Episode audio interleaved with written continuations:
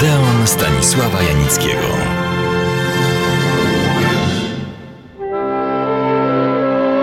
Dzisiaj chciałbym przypomnieć lub zachęcić do obejrzenia, teraz jest tyle możliwości, filmu uznanego powszechnie za jedno z arcydzieł współczesnego kina i sztuki filmowej. To niemal klasyczny przykład, jak atrakcyjność i głębia filmowego dzieła mogą iść w parze. Nie tylko zresztą atrakcyjność i głębia, ale i pewna tajemnica, która w moim przekonaniu musi towarzyszyć każdemu naprawdę wielkiemu i ponadczasowemu dziełu sztuki. Film bowiem ma nie tylko bawić, wzruszać czy skłaniać do myślenia, ale także, a może przede wszystkim, pozostawiać po sobie pewne pytania, na które nie ma odpowiedzi, pewien niepokój skłaniający do na przykład rewizji swojego poglądu na świat, pewną chęć prowadzącą do weryfikacji samego siebie.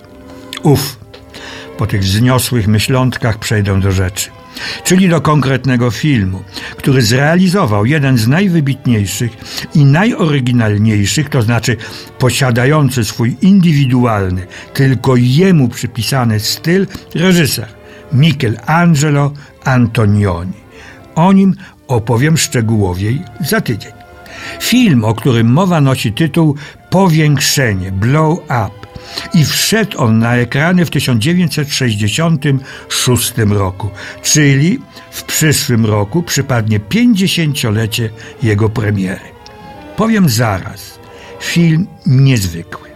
Bohaterem jest, jak go charakteryzowano, młody mężczyzna, przystojny, bogaty, a jednocześnie cyniczny, beznamiętny i wewnętrznie wypalony. Gra go wspaniale David Hemmings, aktor o fascynującym życiorysie.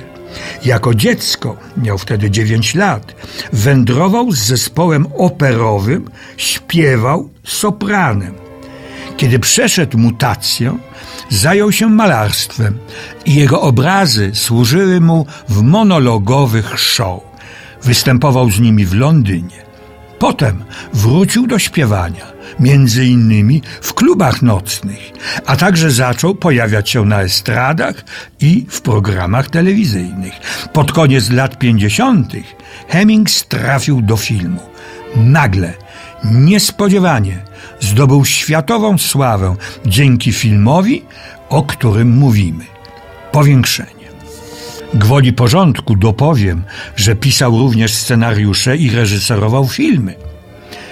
I ten młodzieniec, blondyn z wrażliwymi oczyma, zagrał główną rolę w powiększeniu.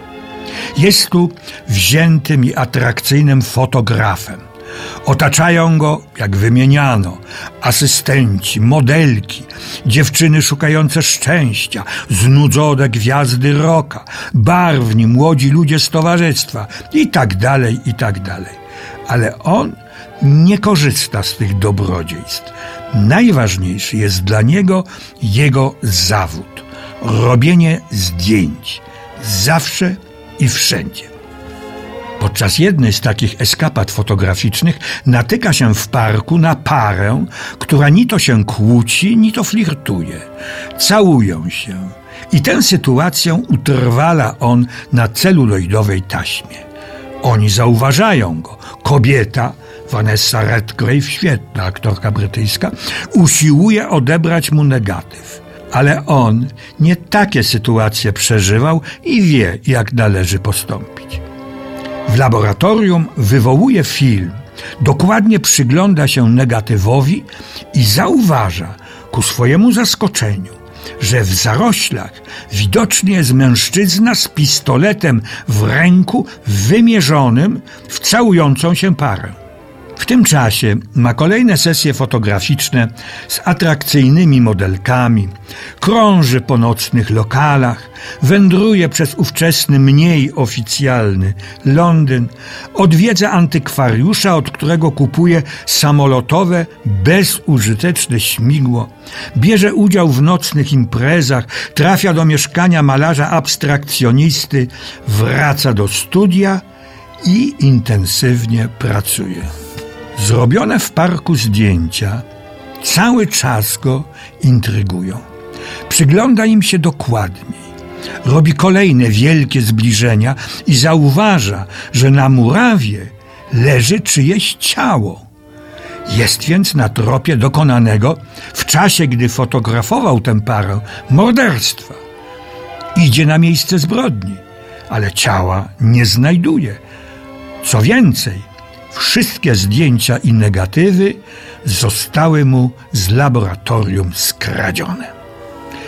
Rozszyfrowanie tej zagadki, a szerzej dotarcie do prawdy, do tego, co istotnie się tam i wtedy wydarzyło, staje się jego obsesją. Ale prawdy dociec nie sposób. Kiedy kolejny raz znajduje się w parku, widzi, jak na kortach tenisowych toczą się zawody. To gra zespół mimów, bez rakiet i piłeczek i on się do nich przyłącza.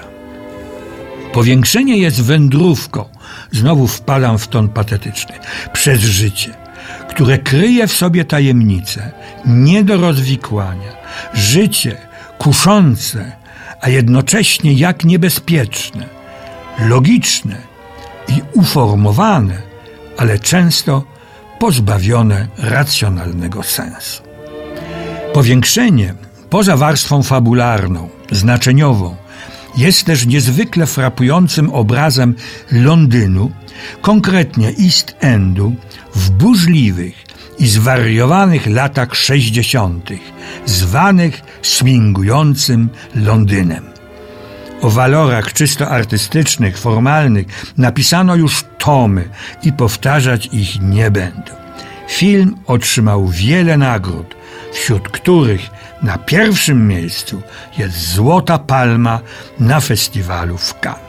A o twórcy tego filmu, Michelangelo Antonionim, opowiem za tydzień. Zapraszam więc do Odeonu i do usłyszenia.